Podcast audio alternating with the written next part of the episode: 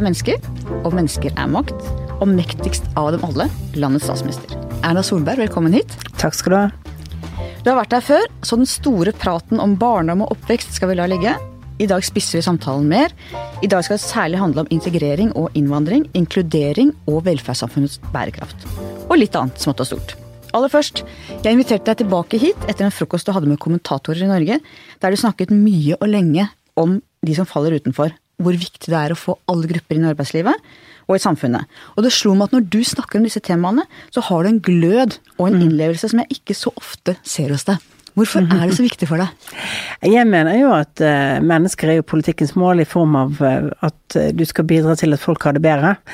Og så er det mange i vårt samfunn altså Norge er jo et samfunn som er veldig godt å bo i. Men opplevelsen av å være utenfor, opplevelsen av å ikke kunne delta i alt, opplevelsen av at jeg ikke får bidra, den er ganske tøff for mange mennesker som står utenfor arbeidslivet. Og det er jo dessverre sånn at med et arbeidsliv som krever mer kompetanse og mer kunnskap, så har nok vi vært for opptatt av i Norge å sikre god økonomi, eller overlevelse, målt mot andre land mye bedre, men vi har vært for lite flinke til å snakke om verdien av arbeid er mer enn lønn. Og den er mye mer. Mennesker har grunnleggende behov for å være til nytte. Være til nytte, til å mestre ting, til å oppleve anerkjennelsen er av at eh, ja, du er verd den lønnen du er på jobb for å få, Altså jeg var og besøkte et, eh, en, eh, en, gutt som på, på Gran, på Kiwi på Gran, og hadde vært på arbeidstrening for å, for da å lære seg opp på systemene gode nok til å kunne være verd lønnen. Sant? Og det var viktig for han, sant? at når han var der, så var han verd lønnen, og at han jobbet på en god måte. Og det å få den anerkjennelsen og mestringen, han trenger kanskje litt hjelp, trenger å bli sett.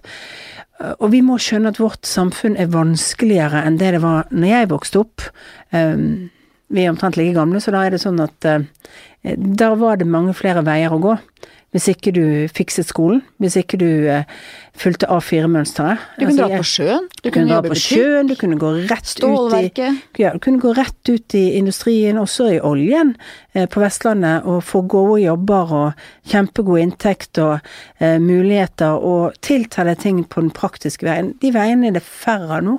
Er dette prisen vi må betale for å ha et effektivt og høyteknologisk samfunn som er produktivt å levere på, på alle de økonomiske målene? Den nordiske modellen, som ofte da tilskrives at det liksom er, noe politisk, den er jo egentlig i, i samfunnsøkonomien sett på som eh, evnen til å be, levere god velferd og ha høy produktivitet. Høy produktivitet har den siden ved seg at det selvfølgelig er mindre rom for de som ikke er så produktive.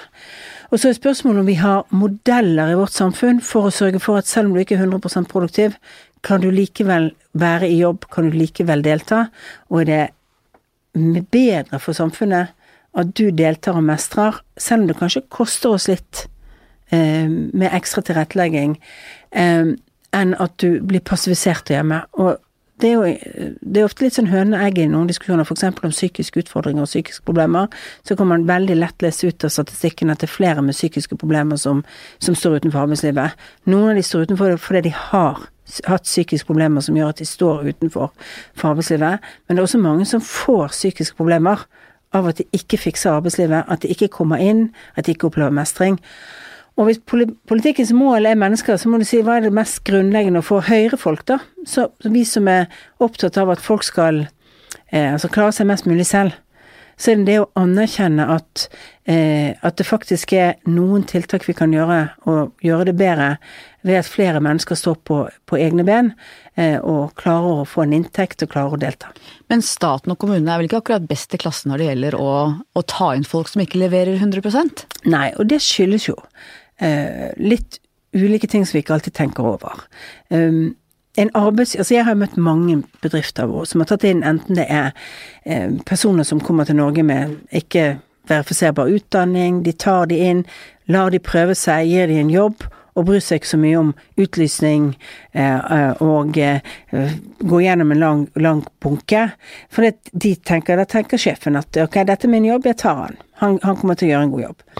Den prosessen, rekrutteringsprosessen finnes jo ikke i det offentlige. Er det for mye skjemaer og bokser, eller? Ja, det er iallfall sånn at uh, det skal være likebehandling, det skal være rettferdig, den beste skal få jobben. Og det betyr ofte at så vet vi jo alle at den beste ikke alltid nødvendigvis bare å lese lett ut av papirene. Eh, noen ganger er det helt åpenbart, men mange ganger så er det jo mange subjektive ting blant de som ansetter òg. Og de prosessene som er i det offentlige, gjør jo ofte at du sorterer ut folk.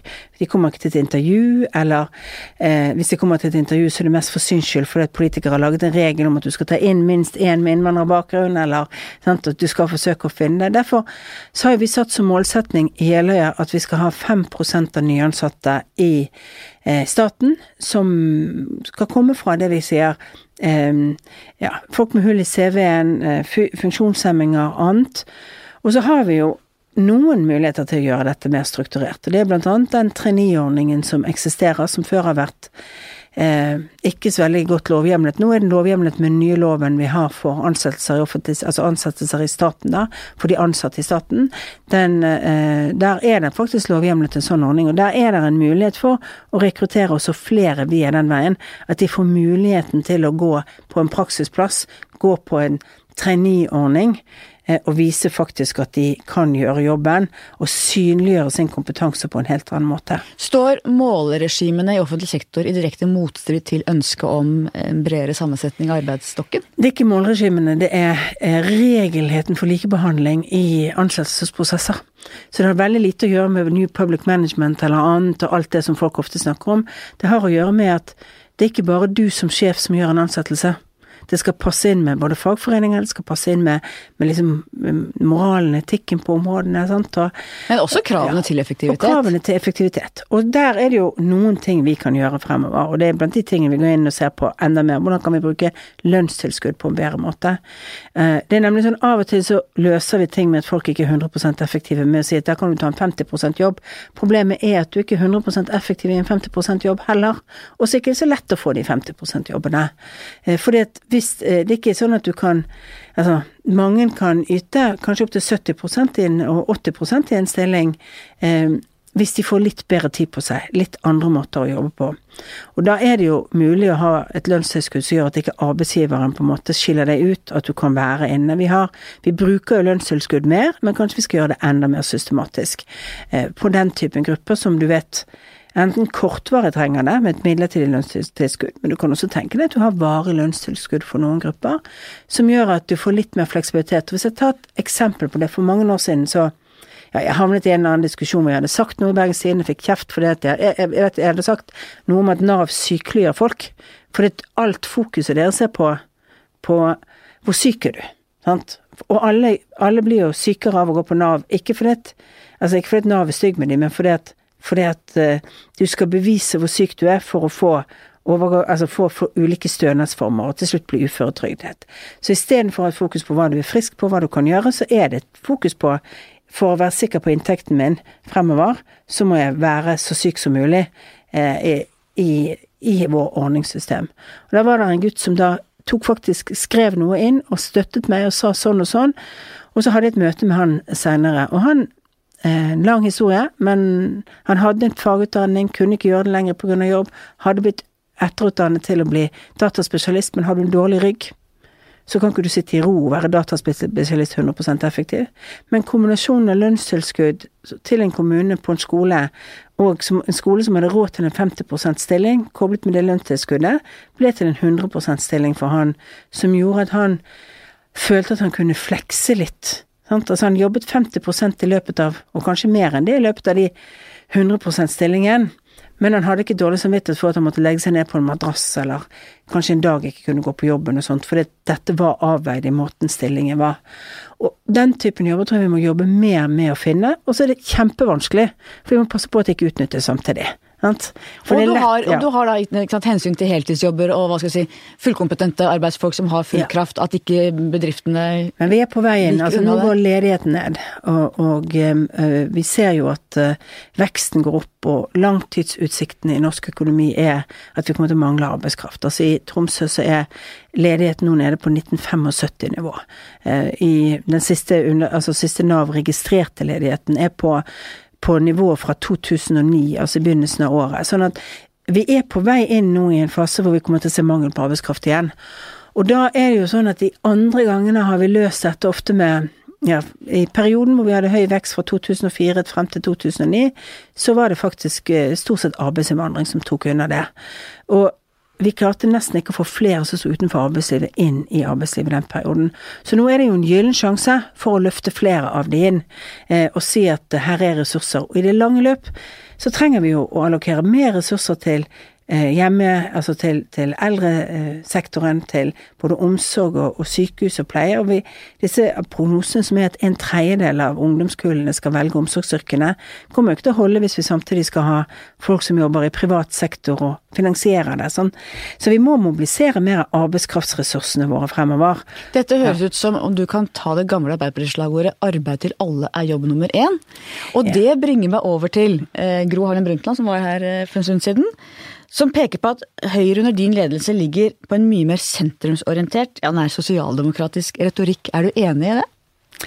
Eh, jeg mener at samfunnet vårt har endret seg, og så er det sånn at vi var veldig bevisst i 2006 om at vi måtte slutte. Det er den talen hvor jeg sa 'mennesker er ikke milliarder', og, og, som var landsmøtetalen min da, hvor vi måtte ta erkjennelsen av at noe av grunnen til at vi gjorde det dårlig Vi mente vi gjorde kjempemye bra i Bondevik II-regjeringen, men, men, eh, vi kommuniserte stort sett skatt og skole ut, mens vi jo gjorde veldig mye på velferdsområdene og på sånt, masse andre satsingsområder.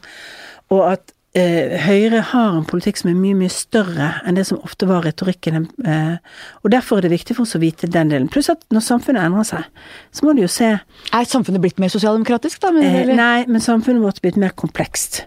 Og da er det ingen som har enkle svar. Jeg kunne jo sagt på den andre siden jo Altså, inntil det siste året så kunne jeg kanskje sagt at Arbeiderpartiet har beveget seg i vår retning. De har et mer pragmatisk forhold til privat og offentlig. Nå ser det jo ut som de holder på å dreie på det får vi se hvordan det går. Men, men, eh, men det er ikke eh, Så tror jeg kanskje at det gjør at når, når, vi viser en større bredde i politikken Det vi ikke gjør lenger fra Høyres side, er å si at, noen, at vi skal på en måte være så konfronterende at vi alltid skal innta en inn, gå inn i en debatt med en jeg eller hjørneløsninger, altså for å skape debatten og synligheten, så skal vi innta et punkt som, et standpunkt som er kanskje litt i ytterkanten av det vi egentlig mener, hvor, for å få debatt. Hvor er grensesnittet mellom Arbeiderpartiet og Høyre? Hva mener du er den største forskjellen på dere, bortsett fra skattepolitikken? Jeg mener at, øh, jeg mener at sånn som det tegner seg nå, så er det forholdet med, og det pragmatiske forholdet mellom offentlig og privat sektor. Om hvordan vi ser på øh, på det at vi har konkurranse, det at vi har eh, andre tilbydere i velferdssektoren, gir oss også bedre altså nye ideer, måter å jobbe på, eh, skaper et bedre grunnlag. Et, et av de viktige områdene. Så er vår systematiske satsing på kunnskap og kompetanse et område som har skilt oss hele tiden. Arbeiderpartiet jeg pleier å legge seg tett opp til oss ofte i skolepolitikken i retorikk, men i praktiske valg så gjør de ikke det. Derfor har vi alltid vært opptatt av innhold i skolen, kunnskapen, eh, altså kvaliteten på undervisningen, eh, den typen spørsmål. Men det betyr at du, at du, erkjenner at dere ligger langt inn mot venstre, men du mener at Arbeiderpartiet er i ferd med å flytte seg ut fra sentrum? I, men det ligger i sentrum, mente jeg. Mens Arbeiderpartiet er i ferd med å flytte seg bort fra sentrum. I diskusjonen privat-offentlig eh, er det ingen tvil om at jeg syns at Arbeiderpartiet retorisk, iallfall i den siste tiden, har, har flyttet på seg. Så sier jeg at vi får vente og se hvor de i realiteten havner.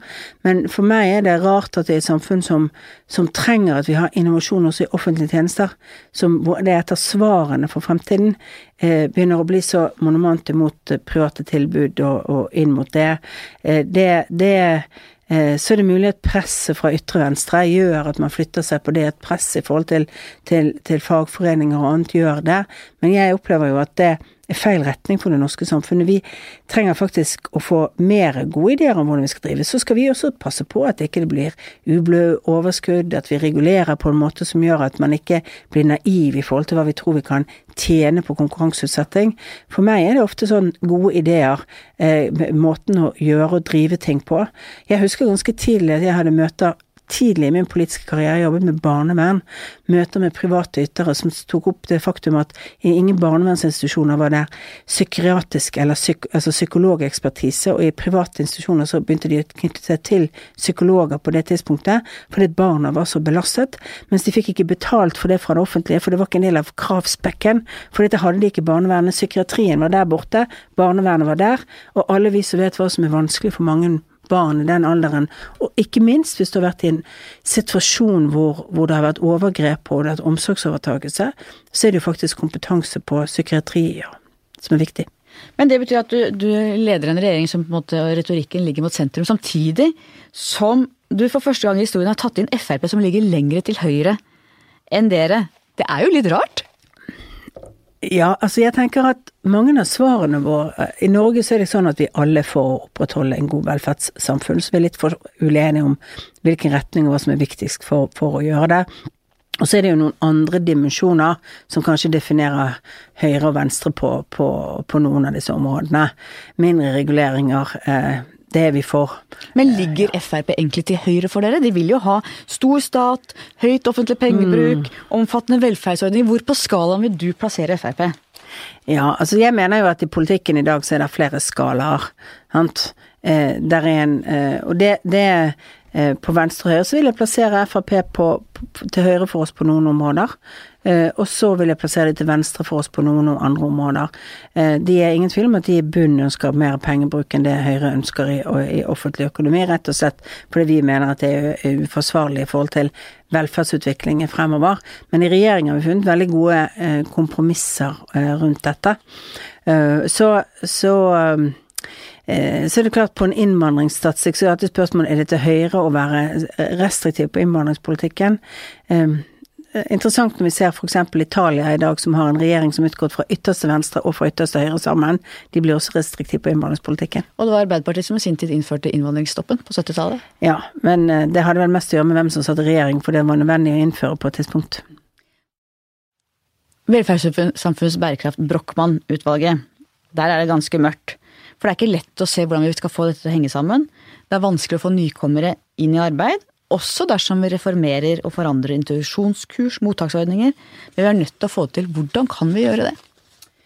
Ja, for det første så er det eh, Det er en utfordring hvis vi, vi Det siste statistikken jeg så, kan, kan være kommet noe nytt etter det, var altså at 47% av de som er kommet som asylsøkere og Eh, og eh, kvoteflyktninger til Norge er i arbeidsfør alder, er i jobb.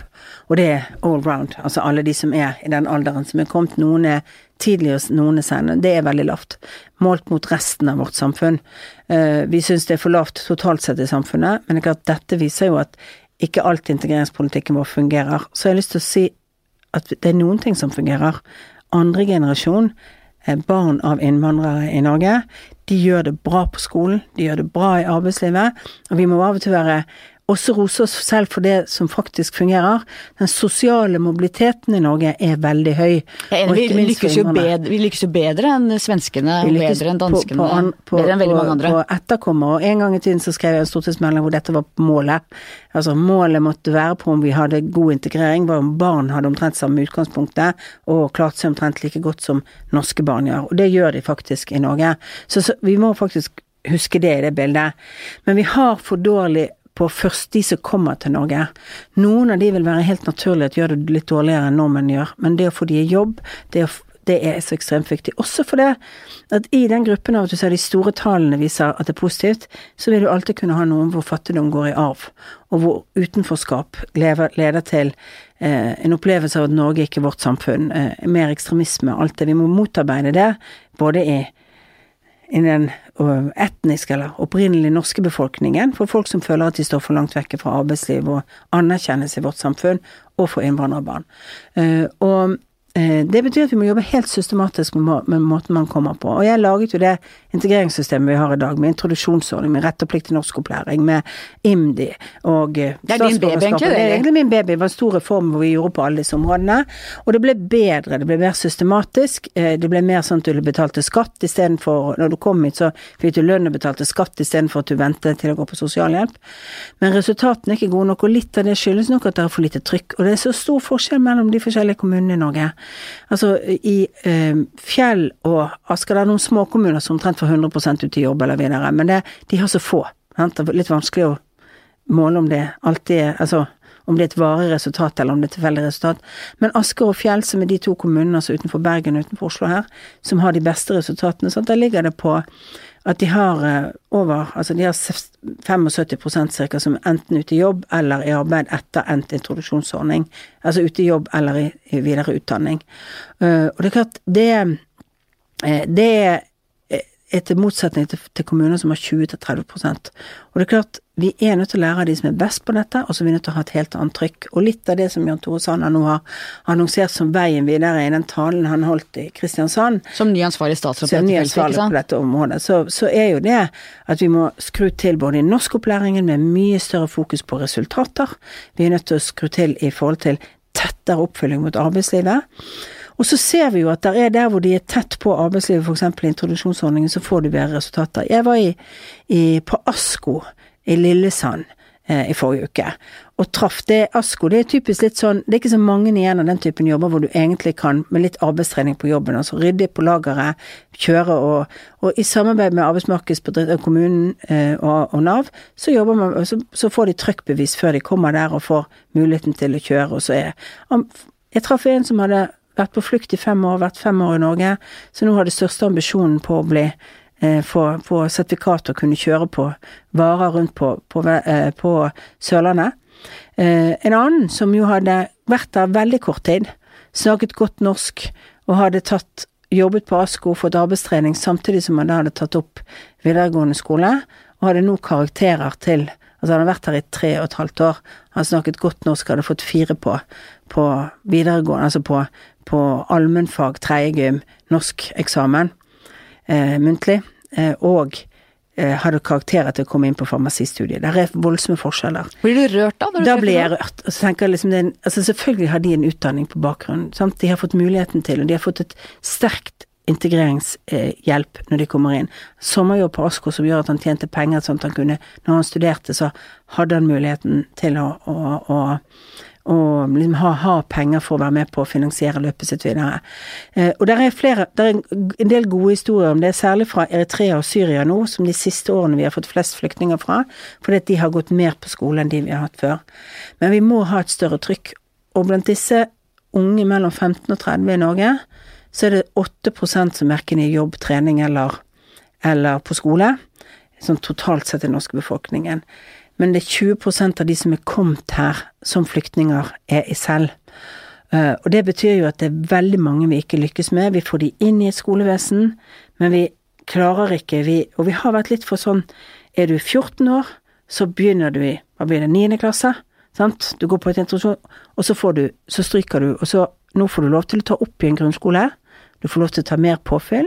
Vi må lage disse A4-boksene våre litt, litt, mykere. Vi må sørge for at det er flere muligheter.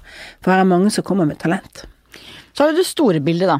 Afrika blir dobbelt så mange fram mot 2050. Drøyt to milliarder. Mens Europa kan oppleve befolkningsnedgang med noen hundre millioner. Hva vil det innebære?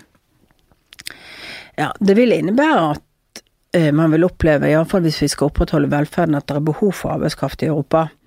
Uh, rett og slett uh, helsevesen, alt dette, eh, alt det vi trenger.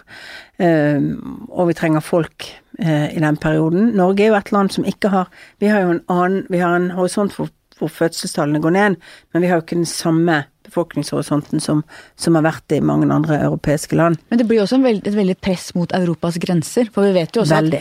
at, at det, idet økonomien øker i en del afrikanske land, så vil det punktet hvor man har råd til å reise, kommer tidligere enn det punktet hvor det blir så god økonomi at folk har lyst til å bli. Ja. Samtidig så, være, så er det absolutt viktigste da er at det er jobb å få i hjemlandet. Og det er jo derfor jeg mener at hele dette bærekraftsarbeidet som jeg driver med, eh, med på FN, og jobber med, med jobbmuligheter, investeringer, bidra til, til, økonomisk utvikling. Dette er, den, dette er, egentlig den helt nye argumentasjonen for hvorfor vi skal drive bistand. Altså hvorfor forutsetter vi driver bistand på en god måte, da. At vi sørger for at det blir eh, utvikling i de landene som kommer i form av jobb, investeringer, ut, eh, at, at det er en utvikling som gjør at ikke minst de ungdommene som får utdanning, ser en jobbmulighet i hjemlandet sitt og ikke bare flytter på seg.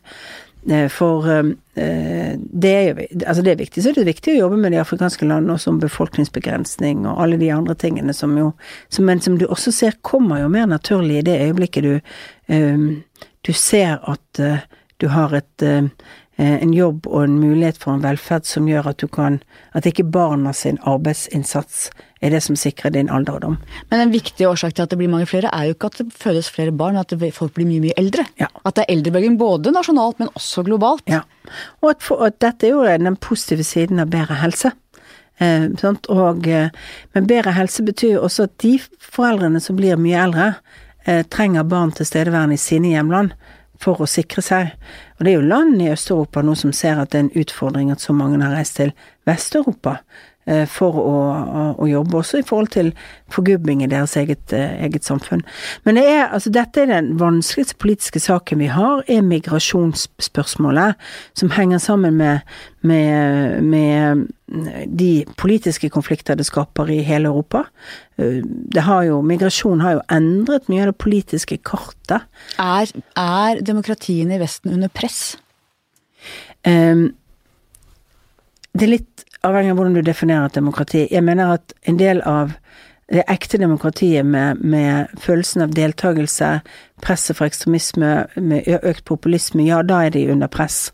Eh, at, og så kan du si at er det fordi at demokratiene har levert for dårlig? Ja, kanskje fordi de ikke har vært gode nok på demokrati heller.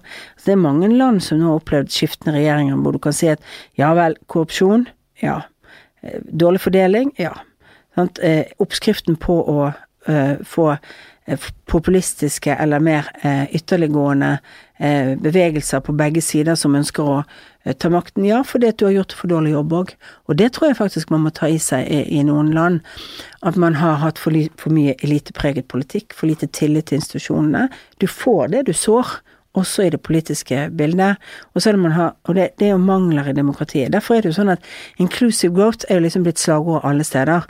Eh, etter finanskrisen så er nettopp det å sørge for at folk henger med, at du skaper jobber for flere, at gi håp til ungdom, eh, det er på agendaen absolutt alle steder. Norge er et helt annet land enn det var da du og jeg vokste opp. Befolkningen er mye mer sammensatt på alle vis. Gro Harlem Brundtland var inne på dette da jeg hadde henne på besøk. Ulike generasjoner får ulike livsfortellinger. De vokser opp i helt forskjellige samfunn, også når det gjelder mangfold. Og Norge ligger jo svært høyt når det gjelder tempo på innvandring. Hva tenker du om det? For det første så tenker jeg at jeg er helt sikker på om jeg er enig at ulike generasjoner har helt ulike øh, øh, syn Altså det er, det er Ikke nok, syn, men det er jo, det er det er kulturelle møter. Er, ja. det, var jo mye mer homogent. Ja. Alle var mye likere jo, når vi på mange vis. Opp, så var det det. Men, men, men, vi har jo deltatt i den samfunnsutviklingen. Ærlig talt, jeg oppfatter at jeg deltar i samme samfunnsutvikling som mine barn gjør. Jeg har vært med på den endringen eh, som har vært i det norske samfunnet, og jeg opplever liksom ikke at det, eh, at det betyr at, eh, liksom at jeg har stor forskjell i syn med mine barn eller venner, barn sin syn. Faktisk er jo min generasjon, altså foreldregenerasjonen generasjonen nå kanskje likere sine barn enn det de liker. Altså til og med liker vi samme musikken, sant, og det blir jo, kan jo innimellom bli pinlig. Eh, vi eh, Jeg syns når min mor foretrakk Harry Belafonte, og jeg er sant, sånn. Men jeg, jeg, vi lager noen sånne generasjonsperspektiver som, som ulikt. Men er Men mange det, føler seg fremmedgjort i møte med dette også? Du har jo et mer polarisert politisk klima nå? Ja, og så er det større forskjeller. Altså på en måte så er det mer samme kulturbilde Eh, by og land på ungdomsbiten. Jeg tror forskjellen mellom foreldregenerasjonen er større rundt omkring, eh, og kanskje også besteforeldregenerasjonen som opplever det. Eh, men jeg tror Det som er enda større, er jo liksom at vi ender opp i litt ulike båser, også i samme generasjon. Altså lytter til forskjellige folk hele denne ekkokammerdiskusjonen som dreier seg om eh, at man blir sittende og bare få input fra de samme kildene hele tiden, eh, og eh, ikke har på en måte eh, kritisk evne til å se om det er riktig eller galt. Eh, eh, om det stiller spørsmål med vedtatte sannheter, bør vi jo alltid gjøre, men ta avstand fra alle vedtatte sannheter er kanskje ikke så lurt. Jeg er veldig tilhenger av opplysningstidens ideal i form av at det bør være verifiserbart, det bør være etterprøvbart. Det er litt sånn kjedelig, sant. Jeg vet at alle mener at vi politikere skal spille mer på følelser. Eh, det kan vi jo gjøre, men, men uh, Det ligger ikke helt for deg, eller? Nei, iallfall så tenker jeg at med ettertanke så skal du, du skal også være uh, Du skal være opptatt av at ting fungerer, du skal være opptatt av målene og ha følelser for hvor målene dine skal være, men du må passe på at du ikke Altså, ikke forelsker deg sånn i virkemidlene på veien at uh, du går deg vill. Jeg tror det var Trygve Bratteli som sa at ikke fordi ditt uh, hjerte er varmt eller kaldt, men fordi det er lunkent, så skal du drive med politikk. det kan være at det er riktig, eller eh, ja, det, eller kanskje det blir litt av å se at de fleste saker har ikke bare to sider, de har De kommer nok minst i 3D. Oslo er i ferd med å bli den delte byen. Noen bydeler er svært dominert av innbyggere med innvandrerbakgrunn, andre har knapt noen. Hadia Tajik, som var her, sier at man må bade i det norske. Barn med innvandrerbakgrunn, eksponert mot det, være sammen med andre. Hva tenker du, hvordan kan vi få til det? Ja, jeg mener at det er veldig viktig. Det var en av grunnene til at vi innførte Altså, jeg var imot to, eh, to altså dobbelt statsborgerskap, eh, delvis fordi det er vanskelig å, å følge opp barn som kommer i trøbbel i andre land hvis de har to statsborgerskap, hvis de er i foreldrenes eh, hjemland. Eh, det andre var å innføre statsborgerskapsseremonier, fordi vi må hylle det å være norsk, det å bli norsk, det å si at dette er noe nytt, du tar del i noen verdier. Det er der jeg sier vi må ha følelser for dette. Mm. Må, du må bli en av oss. Må bli en av oss. Så må vi sørge for at det å bli en av oss betyr ikke å være prikk lik. Sant? Eh, og, og at du må skjønne at du har med en annen dimensjon ved det når du kommer fra et annet land med en annen bakgrunn, og at du skal finne. Men det er noen grunnleggende verdier i vårt samfunn som jeg tror det er veldig viktig at vi sørger for at, at alle både blir eksponert for, blir ufarliggjort, at de skjønner at det er men at det er også viktig i vårt samfunn. Sant? Altså jenters rettigheter, arbeidet mot tvangsekteskap. Altså sørge for at eh, eh, Nå inn til familier med, med, med mødre som eh, kanskje har mange barn og som ikke kommer seg ut i arbeidslivet og kjenner for lite til det norske samfunnet, og derfor heller ikke formidler nødvendigvis de samme verdiene til sine barn, og fratar kanskje barna sine noen av de rettighetene og verdiene de har, i misforstått uh, for eksempel, det er jo noen av disse som har sendt barn til, til disse avstraffelsessansene i, i Somalia som har gjort det i en form for misforstått snillhet, altså, eller ønske om å disiplinere barna sine sant, for at de skal komme unna noe som er gale i, i vårt samfunn, eh, og ikke skjønt at det blir et helt feil utgangspunkt for å komme tilbake, og at det er skadelig for barna. Og det er en kjempeutfordring i vårt samfunn at barnevernet har et så dårlig rykte på seg innenfor eh, for innvandrerfamilier, og at denne voldsomme fokuset på at vi tar barn fra innvandrerfamilier, er, blitt så sterkt. Og jeg ser det Altså, jeg ser på tilbakemeldinger på mine Facebook-sider og sånn, så ser jeg at det er jo barnevern, EU og innvandringsspørsmål, og ofte søset sammen, som på en måte skaper veldig stor grad av aggresjon og, og, og for, for, oss som har den ambisjonen at barnevernet først og fremst skal komme med hjelpetiltak i familien, så vet vi at det er masse sårbare familier som burde tatt imot hjelp, som det er vanskelig å komme til til i det hele tatt, eller som ikke skjønner at de bør samarbeide fordi de har vokst opp med eller lært disse mytene om at barnevernet egentlig er på jakt etter barna dine. Og da er vi f.eks. over på gjengene på Holmlia og i andre bydeler.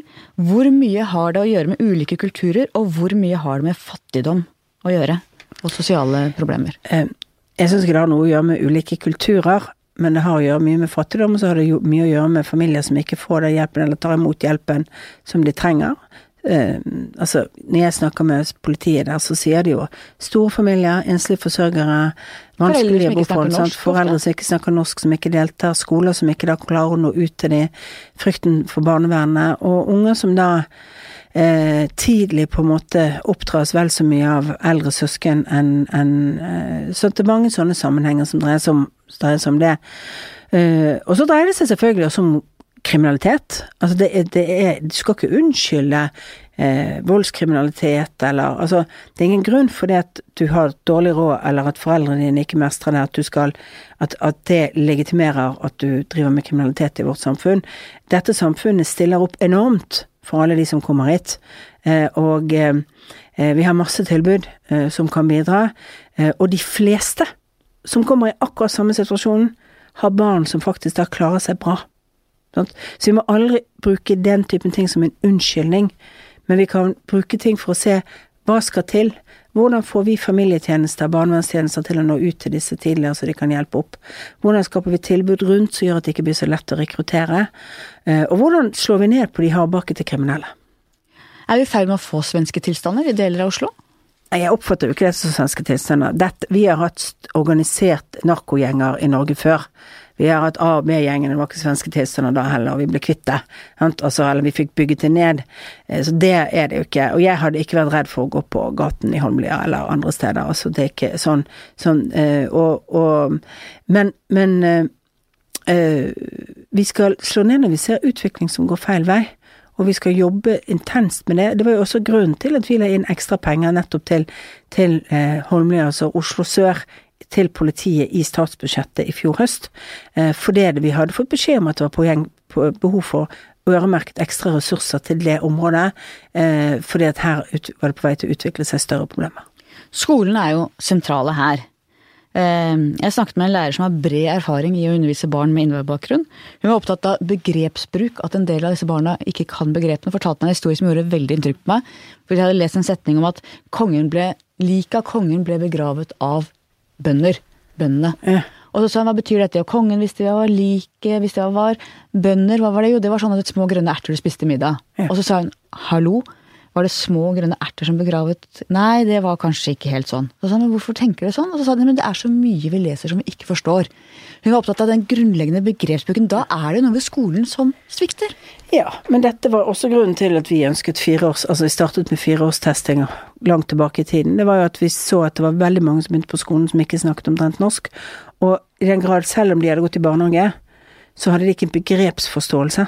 Sant? De hadde deltatt, de hadde hvert. Derfor så jobber vi jo mye mer systematisk i barnehage, med begrepsforståelse, komme under huden til å forstå. Noen klager over at det sier at det blir for mye skole av det. Nei, det er ikke det, men det er for å skjønne at det er forskjell på bønder og bønder og bønder. Men det høres veldig likt ut, sant. Og norsk er et språk som har mange ord som betyr akkurat altså akkurat det, det, samme. Jeg pleier å si gift og gift. Det er veldig morsomt hvis du skal holde eh, tale når folk skal gifte seg, at ordet vårt for å, for, for å altså, gi noen gift er det samme som å bli gift. Det er sant, eh, sikkert noen som føler at eh, ja. At det er det samme? Ja, det er sånn. Men vi har mange ord som er det samme, og det er jo vanskelig når du kommer inn på kommer med bakgrunn i andre språk. Vi har det i, i, det samme når vi møter andre. Og da er det jo viktig å jobbe med begreper, forståelse og lese. Og, og da er jo barnehage viktig, men det er systematisk arbeid i barnehage. For noen av de testingene som var på de første prosjektene på fireårstesting, viste jo også at selv barn som gikk i barnehage, lærte, lærte nok ikke nok begreper. Så det er systematikk i måten du jobber med det på. Og selvfølgelig ressurser nok på tidlig innsats i skolen. Altså man, fordi du må jobbe tidlig, og det som er jo en utfordring i hele vårt skoleverk, er at vi har mye det jeg kaller sen innsats. Altså sånn vi bidrar uh, mye på ungdomsskolenivå når problemene er blitt veldig store, men det å jobbe veldig tidlig med begrepsforståelse, og begynne altså allerede i barnehage. Men eh, en jeg kjenner godt som eh, har jobbet i skolen i mange år, er oppgitt over politikerne når det gjelder skolepolitikk. Sier at man setter jo alltid juniorene inn til å jobbe med skolepolitikk.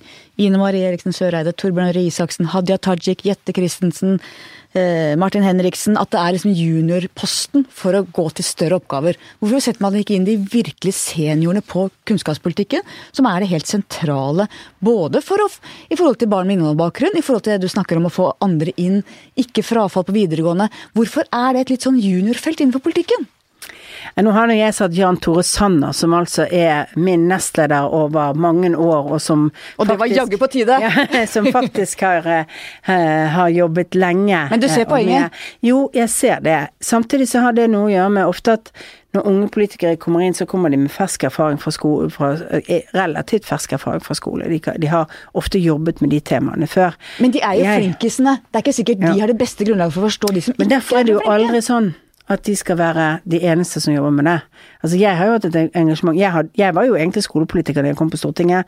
Jeg hadde sittet på alle nivåene. Jeg hadde sittet i Rådet for videregående opplæring, jeg hadde sittet i skolestyret i Bergen, jeg hadde sittet på styret på universitetet. Jeg har aldri fått lov å jobbe med skolepolitikk på, på Stortinget. Eh, men, men, det betyr jo at man er opptatt av at det må utformes på i et, i et større perspektiv, og med flere som er, er med på å utvikle det. og eh, det, det, da er det viktig at man har, har med flere. Men jeg, jeg, ser, jeg ser, litt av um, jeg, jeg, ser litt av diskusjonsgrunnlaget, men jeg mener altså at det er viktig også å ha folk som har barn i skolen. Foreldre som har, erfaring. Ok, Du skal få poeng for at du, skal få, få, få poeng for at du har valgt Sanner på dette. Vi må snakke litt om deg òg.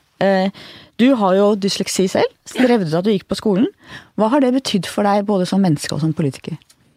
Um, et, også var det det vi snakker om nå med ja, inkludering og disse tingene. Ja, det, det, for meg var jo det også Altså jeg har jo en dysleksi som jo jeg, jeg, lærte jo fort å lese, og jeg har lest mye i mitt liv. Eh, det er jo først og fremst å reprodusere skrift. Jeg har, altså, jeg reproduserer i hodet mitt et, uh, en lyd. Det tar veldig lang tid å lære stavemåten av et ord. Uh, og, for jeg får, jeg får et altså, forklart av disse pedagogene som har testet meg. Sånn at jeg får ikke bildet opp eh, av ordet, jeg får lyden av ordet. Eh, og det, eh, det gjør jo at jeg var en sånn Jeg var en ganske flink elev med middels karakterer. Fordi at du, sant, En som typisk er god i muntlig, men ikke så god i skriftlig, for du får aldri Og så var det kanskje ikke så farlig når jeg gikk Altså, jeg hadde, jeg hadde, jeg hadde gode nok karakterer til å komme inn på videregående skole, men jeg kom ikke inn på den linjen jeg ville gå på, fordi at det var jo da Terskelen var å komme inn på videregående skole, ikke komme inn på universitetet. Eh, men, eh, men det var Altså, det, har jo gitt meg også en plattform, for det, når det ble skrevet om dette i avisen og sånn, så var det jo mange som tok kontakt nettopp med med dysleksi og sånt. Og jeg opplever jo hvor stor forskjell det er på de som virkelig sliter, som virkelig sliter med lesing. Som har, eh, for lesing er så avgjørende. Det er litt av utfordringen i vår barneskole i dag. Vi gjør liksom lesing til hoved aktiviteten i begynnelsen, og hvis du begynner å slite med lesing, så blir det liksom så veldig grunnleggende for mestringsopplevelsen. Ja, for det går utover selvtilliten. Går utover selvtilliten. Og så får du jo veldig mange lærere som ikke kan gjøre at mange lærere, jeg har venner som er lærere og andre som sier vi har jo egentlig ikke noe fra sånn som jevngamle meg så Vi lærte jo ingenting om dette når vi gikk på skolen og skulle bli lærere. Eh, så vet du at det er mye hjelpemidler og annet, men, men det, det, gir deg en opplevelse av også hvor vanskelig det er. Og jeg har, jeg har noen voldsomme historier som jeg har opplevd uh, opp gjennom årene med folk som har fortalt om sine lese- og skriveproblemer. Altså voksne mennesker som rett og slett ikke kan lese eller skrive, uh, og som har klart å komme igjennom, og som roten til mye trøbbellaging i deres ungdom også har vært i det. For det var jo ingenting Altså, det var, det var, ingenting de hadde å gjøre på skolen, fordi de, de satt egentlig bare og ikke klarte å følge med og ble veldig utagerende. Særlig gutter ble utagerende, og jenter ble innadvendte og, uh, og, og sliter. Og Eh, du, du, ser mye av hullene i vårt kunnskap, og så ser du veldig hvordan hvor flaut det er å ikke mestre. Altså hvilket stigma det har, eh, og hvor viktig det er å få barn til å skjønne at ikke dette det er bare sånn at hjernen din fungerer litt annerledes, så må man finne den koden det knekker på. For barn vil så utrolig gjerne være, være akkurat make til de andre. De vil ikke oppleve at de er forskjellige, eller få hjelpetiltak og hjelpetilbud. Så, så det jobbes, det er jo veldig viktig at lærere og foreldre eh, skjønner at det er viktig å jobbe med at det er ikke så farlig å si at du har dysleksi. Vi som har fulgt deg lenge, ser at du har jo møtt mye motgang underveis. Har det gjort deg sterkere? Ja, det gjør det jo. Eh, altså, og, eh, eh og det gjør jo at du ikke blir så Altså, du slås ikke så lett tilbake av eh, småkritikk eller personkritikk og den typen ting. Du lærer liksom å eh, si det. Det er ikke sånn at jeg sier at jeg ikke ville vært foruten det, for det var et fint liv uten dere, men, eh, men eh, det er forskjell. Noen Jeg ser jo at det er noen unge politikere som kommer inn og er stjerner når de kommer inn. Jeg kom ikke inn og var stjerne, jeg var arbeidsmør. Sant? Jeg husker det veldig ja. godt. Du kom inn i 80 på Stortinget, jeg begynte å jobbe som politisk reporter i ja. 1990. Nei, nei, og jeg kom inn som arbeidsmør og gjorde mange av liksom sånne jobbene på Stortinget, sånn på store saker for Høyre og sånt, uten at jeg liksom var den som sto på fjernsynet eller, eller Erna var ikke stjerna da? Nei, nei. Og det, eh, og, men det gjorde jo også at jeg fikk en trygghet i det faglige, altså i sakene og alt mulig sånt. Og eh, sikkert som jeg pleier å si, jeg var sikkert litt mer seriøs enn jeg hadde trengt å være, men eh, Har du alltid hatt et sånn indre trygghet? Nei, det har jeg nok ikke alltid, hatt. jeg tenker at alle Men du vokser på det. Det er som alle andre, du må mestre noe, så går du videre. Men, eh, men eh, jeg tror jeg alltid har hatt den tryggheten om at eh, Altså, det er veldig viktig å tenke at livet ditt avhenger ikke av dette. Sant? Jeg tror det aller viktigste ungdom f.eks. i dag eh, må, må, få litt mer trygghet på at livet ditt avhenger ikke om du får fem eller seks på den prøven. Sant? Masse andre ting å gjøre, være gøy enn å komme inn på legestudiet, eller Handelshøyskolen i Bergen, eller et eller annet sted. Masse flotte yrker å gjøre. Mange andre ting, liksom. Sant? Altså, litt mer sånn Livet ditt avhenger ikke dette, at du må senke skuldrene litt. Du har jo alltid fremstå som ganske ujålete, men nå er du jo langt mer elegant enn du var da du kom inn i politikken. Har du blitt mer forfengelig? Ja da. Altså jo flere bilder du ser av deg selv, jo mer forfengelig blir du jo. Det er en av de tingene. Så har jeg fått bedre råd. Betyr at jeg kan kjøpe mer og dyrere klær. Og så Eh, og så er det jo sånn eh, når du er midt i en sånn småbarnsfase som jeg var i noen år, så blir det jo også sånn Det er ikke det første du tenker på, liksom at neglene dine skal være lakkerte, eller at eh, Ja. At sminken skal være lagt. Så jeg var bare fornøyd når jeg klarte å være på, riktig, være på møte når jeg hadde levert i barnehagen. Sant? Altså, det er ikke Dette kan vi kjenne oss igjen i. Ja, og det eh, Men det er jo blitt et veldig Altså, vi jo blitt, lever jo et ekstremt mye mer eh, billedfokusert og visuelt eh, verden nå enn det f.eks. var på begynnelsen av 90-tallet da jeg kom på Stortinget. Så det blir jo mer press for, for, eh, for ja, hvordan du ser ut og klær og du tenker igjennom. Sånn sett er det deilig å være Altså, over 50. Veldig greit å være det. Bare sånn når, når DNs fotografer har hatt en sånn glede av å ta bilde av hendene mine innimellom bak på ryggen eller sånt der, og sånn. Og det er liksom sånn, da blir du litt, litt nøya på at eh, ja, det var dumt at jeg hadde tre, tre fingre med flekkete. Sånn. Hva med det indre livet? Hva slags forhold har du til religion? Tror du på Gud? Ja, altså jeg tror jo på noe som er større enn en, en, en, oss, da. Eh, altså jeg tror jo at det finnes en, en, eh, en makt utover dette. Uh, og så pleier jeg å si at uh, jeg tror at kristendommen er vårt uttrykk for denne makten. Det kan godt tenkes det kommer til uttrykk annerledes i andre kulturer med, med det andre. Uh, og i så måte så tror jeg vel kanskje litt mer basert på et håp om at det er noe mer. Ber du av og til? Ja, det hender jeg ber. Eh, Jeg går jo en del jeg går i kirken innimellom, men jeg Finner jeg du ro der, eller? ja, finner ro der. Jeg finner ro, øh, jeg finner ro i kirkebyen, men jeg finner også ro i vakre konserter. Sant? Altså det trenger jo ikke være I så måte så er jeg en god protestant i at jeg tror at øh, forholdet til høyere makter og Gud er mellom meg og Gud, og ikke, trenger ikke noe hjelpevei mellom Det er på det. Men det er litt som jeg sier, at jeg er, det er mer et håp enn det er en sånn fast tro. Eh, og, eh, men jeg har veldig respekt for, for at folk altså folk tror at, at religion har en viktig rolle. Tror vi gjør litt feil i vårt samfunn hvis vi bare tror at alt bestemmes av logikk eh, og eh, dyp analyse. Eh, og jeg syns jo samfunnet vårt må ha større rom for å respektere at folk tror, og utfolde sin livstro, så lenge den ikke går utover noen andre. Helt til slutt, enda en gang, i kortversjon, hva skal bli historien om deg? Erna Solberg, det var hun som Jeg håper at det blir, eh, blir at eh, det var hun som sørget for at eh, flere kom inn i arbeidslivet. At, at vi har klart å få mer bærekraftig velferd. Tusen takk for at du kom. Takk til deg som hørte på. Takk til vår faste produsent, Magne Antonsen. Vi høres igjen om litt.